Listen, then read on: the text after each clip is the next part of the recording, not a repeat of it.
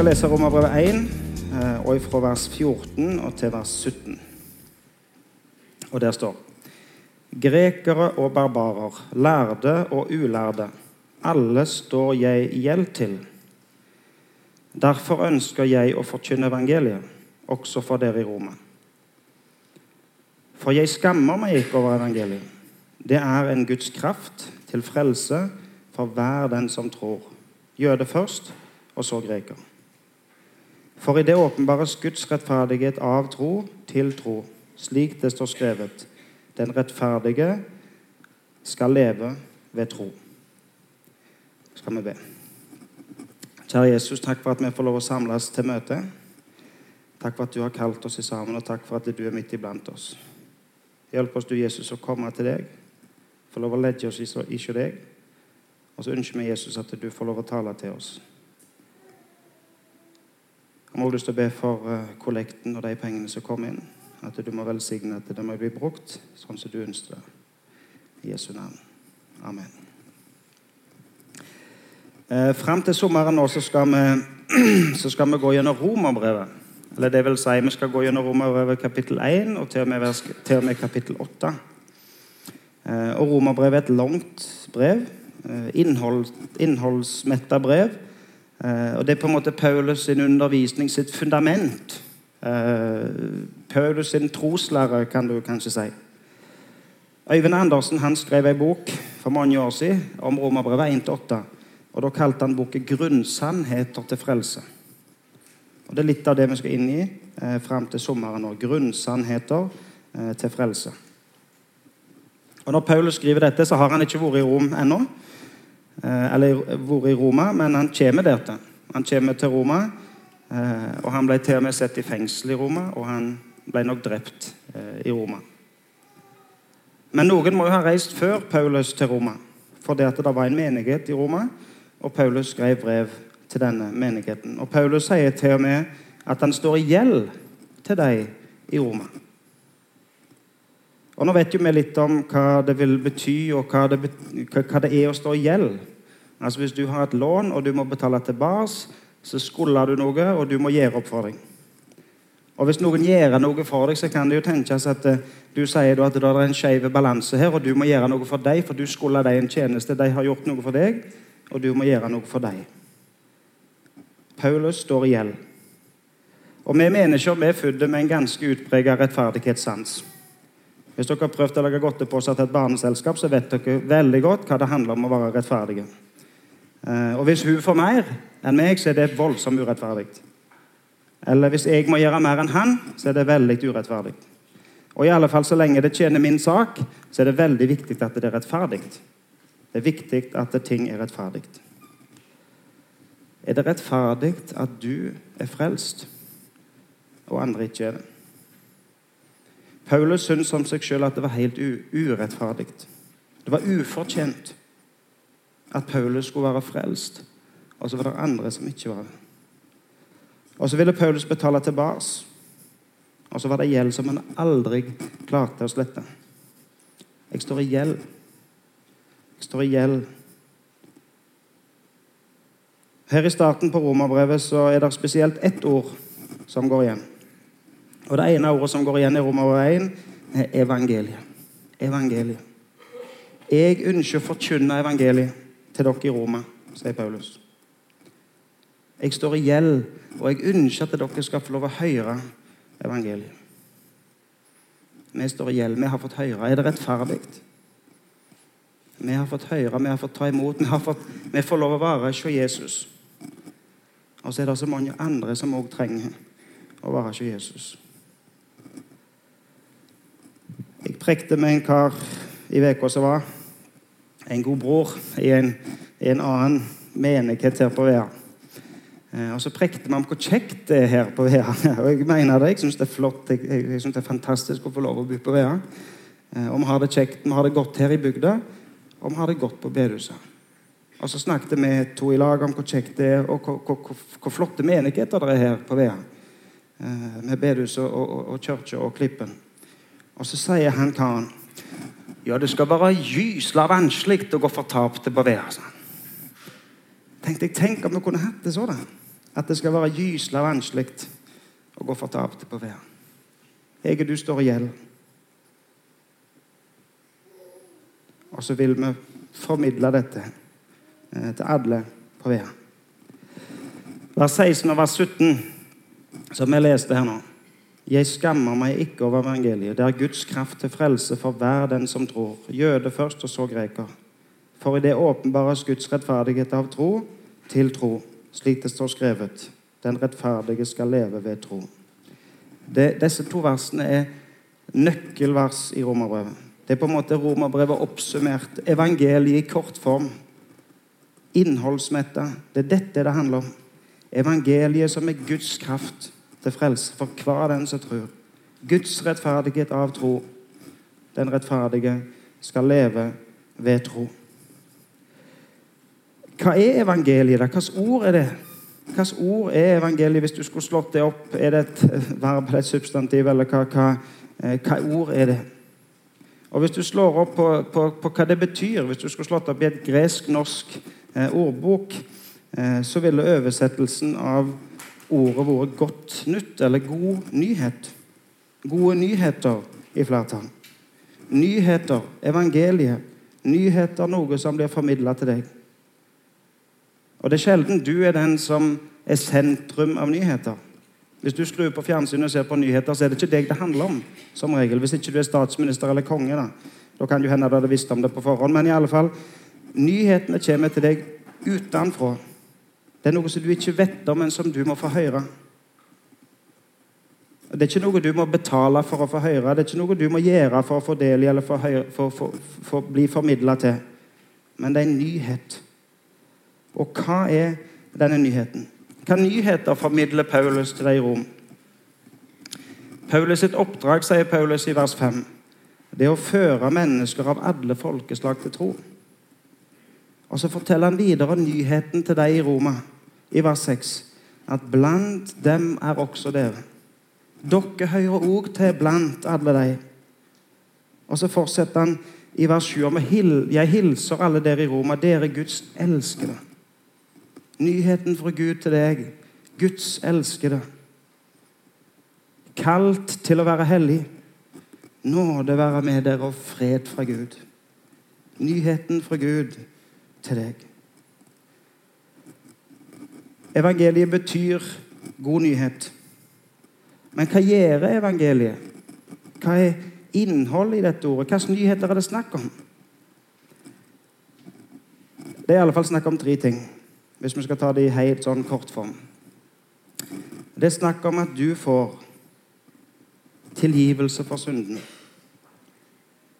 Når Jesus innstifter nattværen, så sier Jesus dette er mitt blod, paktens blod, som blir utøst for mange, så syndene blir tilgitt. Jesus gav sitt liv. Jesus utøste sitt blod, så at syndene blir tilgitt. Og så er evangeliet, budskapet og den nyheten du får del i, faktisk mer òg enn det. Nå må du ikke misforstå. Selvsagt er syndenes forlatelse en hovedting eh, i, i, evangeliet. Men det er faktisk ikke så at du bare i hermetegn blir tilgitt. Det er ikke bare så at eh, regnskapet går i null. Det er ikke så at du var i minus, og nå havner du på null. Regnskapet som var i, i, i minus, er kommet til null, men er kommet enda lenger. For nå går regnskapet i pluss. For alt det som han er og har, gir han til deg.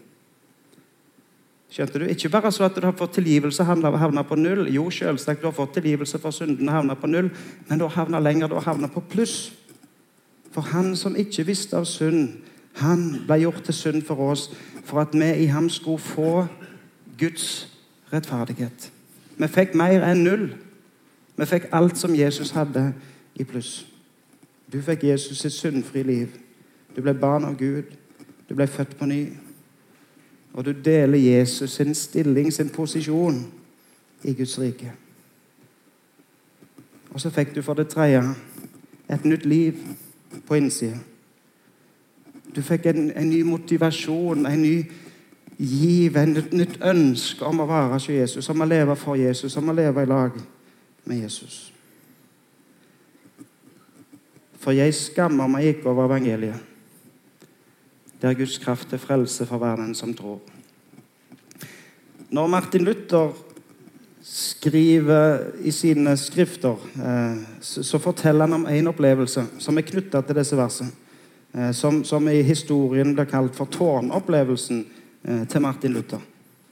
Martin Luther var religiøs. Han var veldig religiøs, han var flink. Sånn, altså han, han, han, fikk det jo til. Han, han ble jo til med munk. Og han ble en veldig god munk. Han, underviste på universitetet. så han, han klarte på en måte etter den tids standard å leve et, et, eh, et religiøst liv. Men Martin Luther strevde likevel. Og Martin Luther strevde for å, for å få svar på spørsmålet hvordan skal jeg finne en nådige Gud? Og svaret kom til han i ett ord evangeliet. Hvordan skal jeg finne en nådige Gud? Svaret er evangeliet. Jeg skammer meg ikke over evangeliet. Og Når Paulus skriver nettopp det, at han ikke skammer seg over evangeliet, så må jo det bety at det var noen som gjorde det. Til og med på Paulus' i tid så var det noen som skamma seg over evangeliet. Og hvorfor tenkte, hvorfor i all verden skjemtes de over evangeliet? Jo, det var jo ei hard tid, det var forfølgelse, og det var ting som skjedde som gjorde at de, de, de ikke ville Eh, følge den veien. Eller det kan hende de skjemtes over det budskapet som, som, evangeliet var, og som de kristne lærte. For, for de, de, som var høyt i samfunnet, de lærte de avviste jo dette budskapet. Og grunnleggeren var jo til og med død. Eller kanskje de skjemtes fordi at det budskapet er jo altfor enkelt. Det er jo ikke så, eh, jo ikke så intellektuelt, det budskapet der. Hva er innholdet i evangeliet? Jo, Innholdet er jo det at det som, ble, det som talte imot deg, ble lagt på Jesus. Og han bar det som du ikke klarte å bære sjøl, og så gav han deg alt som du sjøl ikke klarte å oppnå. Kan tenkes at de skjemtes over det budskapet der. Og så har jeg tenkt videre Hvorfor skjemmes vi av evangeliet i dag? Kan tenke at vi skjemmes over evangeliet fordi det er gammeldags. Det er ikke moderne. Vi har jo kommet lenger enn det. Vi lever jo tross alt i 2018. Vi må jo komme oss videre. Eller kan tenke oss at vi tenker at det er barnelærdom, det er altfor enkelt, det er så barnslig. Det er sånn som ungene kan synge om det. Altså Adam åt et eple, og så skulle alle dø, og så døde Jesus på korset, og så skal alle få leve. Det, det, det er alt for, det er for unger, det. Kan hende det er for vi skjemmes. Eller kan hende vi skjemmes fordi vi vet mer i dag. Vi vet jo hvordan verden ble til, og så definerer vi vekk Gud. Og vi trenger ikke Gud. Kan hende vi tenker at vi klarer oss sjøl, vi har ikke bruk for Gud. Jeg ordner opp sjøl, jeg, som regel. Og det gjør de fleste i Norge. De ordner opp sjøl. Og vi får det til. Og vi er flinke, det er ikke det jeg vil fram til. Vi er flinke, vi får til det aller, aller meste. Men det er jo nettopp det som er problemet at du klarer deg faktisk ikke sjøl. Du trenger faktisk hjelp. Og det er nok vanskelig.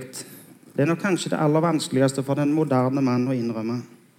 Det har sikkert alltid vært vanskelig, men det er vanskelig å innse og innrømme at du trenger hjelp. Hvis du prøver å tenke deg at du, at du, at du har fått en sykdom at du er uhelbredelig syk, og du vet at det går én vei. Det er ingen andre som kan hjelpe deg, ingen doktorer, ingen forskere, ingenting. Da blir du hjelpeløs. Og det er ting i livet Det er ting som du kommer til å møte i livet som du ikke klarer sjøl. Eller tenk deg at en du er glad i, er sjuk en av dine, en som du elsker over alt på jord. Og så er det ingen behandling. Du skulle ha gjort hva som helst. Men uansett hvor mange penger du har, uansett hvor mange sykehus du reiser til, eller hvor mange doktorer eller forskere du oppsøker, så er det hjelpes løst. Det fins ingen måte Jeg kjenner en som har det så. Det er en som ser på noen som han er glad i. Og de som han er glad i, de er hjelpeløse. Og han vil gjøre hva som helst. Det koster. Det koster Jesus sitt liv å gi deg hjelp. I din håpløse situasjon så koster det Jesus sitt liv å gi deg håp. Og det er den store forskjellen. For der som du ikke har håp, der som du er hjelpeløs, der kan Jesus faktisk gi hjelp. Det som du ikke klarer sjøl, og det som du møter i livet som du ikke mestrer, der som du er hjelpeløs, der har Gud all makt. Og der du i deg sjøl ikke har kraft nok, der kommer Han med Guds kraft. Det er Guds kraft til frelse for hver den som tror. Og så er evangeliet mer enn bare teori og mennesketanker. Vi kan nok synes det er barnslig og enkelt. Det kan hende vi ikke forstår, og det er mange ting som er vanskelig. For det er så mye som står i denne boka som vi ikke får helt tak i, for eksempel, kan hende. Men disse ordene og det evangeliet og det budskapet som Gud forkynner til oss, den nyheten som vi får del i, det er mer enn bare teori og mer enn bare ord og mer enn bare mennesketanker. For det er Guds kraft. Det budskapet har i seg en kraft som gjør at budskapet, at nyheten, blir mer enn bare ord. Det blir Guds kraft til frelse. Dette er en dårskap, dette er idioti, dette er toskaskap for mennesker som klarer seg sjøl. Men for deg som trenger hjelp, du som vil bli frelst, så er det Guds kraft. Og dette ordet, evangeliet, det er ikke bare ord, men det er kraft.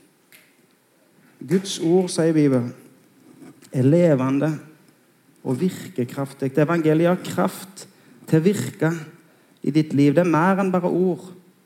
Det er skarpt som et sverd. Det trenger gjennom, det dømmer hjertets tanker og råd. Og Det kan hende du har følt det så, eller du føler det så når du leser eller hører Guds ord, at det, ja, ordet når inn, og det trenger gjennom, og det, og det skjer. Når Peter talte på pinsedag, så står det at det er de som hørte det, når de hørte det, så stakk det de i hjertet. Det var som om Peter og Guds ord pirka på noe der. Og så stakk det de i hjertet. Hva er det som skjer? Hva er det som skjer? Det er Jo, det Guds ord som virker. Det er budskapet som du hører, evangeliet som blir forkynt, som, som trenger inn. Og så står det i Romerbrevet 10, vers 17, at av dette budskapet, av dette evangeliet, så kommer troen så kommer da troen av det budskapet som en hører. Og budskapet kommer av Kristi ord. Og tro er ikke noe du skal prestere. Og tro er ikke et krav ifra Gud at du må oppfylle det. Men å tro er det som Gud virker i ditt liv når du hører evangeliet og tar imot det. Å tro er ei åpen hånd som tar imot den gaven, den nyheten, det budskapet som Gud vil gi deg. Jeg skammer meg ikke over evangeliet, sier Paulus. For det er Guds kraft. Luther han strevde med å forstå det uttrykket Guds rettferdighet. Hva betyr det å være rettferdige for Gud? Og Løsningen kom til Luther når han innså at dette var ikke snakk om den rettferdigheten som Gud krever. At Gud krever at jeg må være så og så først. Når han innså at dette er den rettferdigheten som Gud gir. Altså, Det er ikke den rettferdigheten som Gud krever, men det er den rettferdigheten som Gud gir. Og det er jo det som er nyheten. At Gud har gjort noe. Gud vil gi deg noe. Og det er kraften i evangeliet. Det som du ikke klarer sjøl. Det som ingen andre kan hjelpe deg med. I møte med synd og død så kan Gud gi deg hjelp. Det er Guds kraft til frelse for hver den som tror. Det er Guds rettferdighet som han gir. Det er et kjempeviktig ord rettferdighet. Er det rettferdig at du slipper straff? når det er du som har gjort noe galt. Og så kommer det et argument inn, og argumentet evangeliet. Er det rettferdig at du slipper straff når det er du som har gjort noe galt? Og så kommer det en motvekt til et argument som heter evangeliet. Og på grunn av evangeliet så har du fått et helt nytt forhold til Gud. Du er ikke lenger Guds fiende og under Guds straff, men du er Guds barn. Og du har samme stilling i han som om du var hans egen sønn, som Jesus sjøl.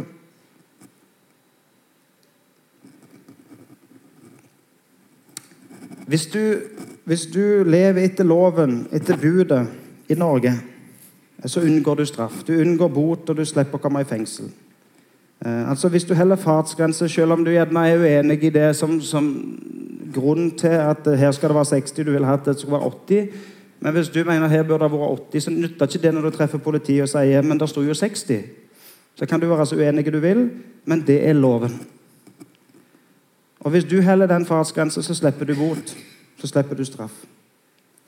Det vil si, din motivasjon for å, for å holde den loven, det er å unngå straff. Du vil helst ikke betale bot, og derfor kjører du i 60. Vet du, Guds lov krever faktisk mer enn det. Guds lov krever at du heller budet, ja. Men det krever òg at motivasjonen for å holde budet er at du elsker Gud. Du skal elske Herren din Gud av hele ditt hjerte, av hele din sjel, av all din forstand. Vet du, Evangeliets budskap, det er at du er rettferdiggjort sjøl om du har gjort noe galt. Jesus har tatt straffen din, og du går fri. Men hva i all verden er da motivasjonen for å holde den loven? Hvorfor skal du da gidde å gjøre godt hvis han har tatt straffen allikevel? Straffen er jo allerede betalt. Gjort opp for. Og hva er motivasjonen da for å holde den loven? Jo, du ønsker å leve til ære for Jesus, for han har gjort alt for deg. Du står i gjeld. Han har tilgitt deg alt. Han har gitt deg tilgivelse for alle dine synder. Han har gitt deg nytt liv, han har gitt deg barnekår og arverett ikke Gud. Derfor ønsker du å leve til ære for Jesus. Det er Guds kraft. Guds kraft i ditt liv. Hva skjedde den dagen du ble rettferdiggjort? Hva skjedde den dagen på korset? Ble Jesus en synder? Ble du automatisk en bedre person? Nei, Det var jo ikke så at Jesus ble en synder som den dagen begynte å tenke stygge tanker. Jesus var jo fortsatt den samme. Jesus var den hellige, den syndfrie Jesus, Guds sønn. Men alle våre synder ble lagt på ham. Men til og med når han ble straffa av sin egen far for noe som han sjøl ikke var skyldig i, så holdt han fremdeles budet om å elske sin far. Han elska sin far fullkomment selv om det kosta han livet. og Han ba til og med 'la din vilje skje, far'. Jesus ble ingen synder. Jesus var fortsatt syndfri i seg, men dine synder ble lagt på han. Ble du syndfri den dagen Jesus tok syndene dine? Jo, du ble kvitt syndens straff. Og du er ikke lenger under Guds vrede og Guds dom. For det er gjort opp for, er betalt. Men du er fremdeles et syndig menneske som i syndsbekjennelsen så sier vi som kjenner lysten til det onde i mitt hjerte. Og Det som skjedde den dagen, var at Jesus tok alt ditt og du fikk alt hans. Du fikk mer enn balanse. Du, fikk, du gikk i pluss. Hvis du kjører for fort, så får du ei bot. Og Så betaler du den bota, og så fortsetter du som før. Du er den samme. ikke sant? Du er den samme sjåføren når du har den samme bil. Vet du, Jesus, ikke, Jesus betaler ikke bare boten. Jo, Jesus tar boten, han betaler den. Men så gir han deg en ny bil. Han gir deg sin egen bil, uten riper, uten feil. Han er EU-godkjent. alt. Du kan bare kjøre videre. Du har, et helt nytt liv. For Jesus han har fritt oss ut av mørkets makt. Og så har han sett oss over Her står det 'i sin elskede sønns rike'. Vi er kjøpt fri og får tilgivelse for syndene, og så har vi fått del i. Vi bor ikke han. Vi hører til der nå. Vi har en ny bil. Nei, Det er et dårlig eksempel, men jeg tror du skjønte hva jeg mente.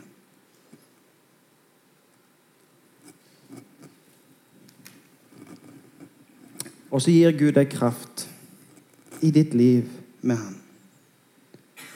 Bli fulgt med hele Guds full. Det er Han som virker i oss med sin kraft og kan gjøre uendelig mye mer enn det vi ber om og forstår.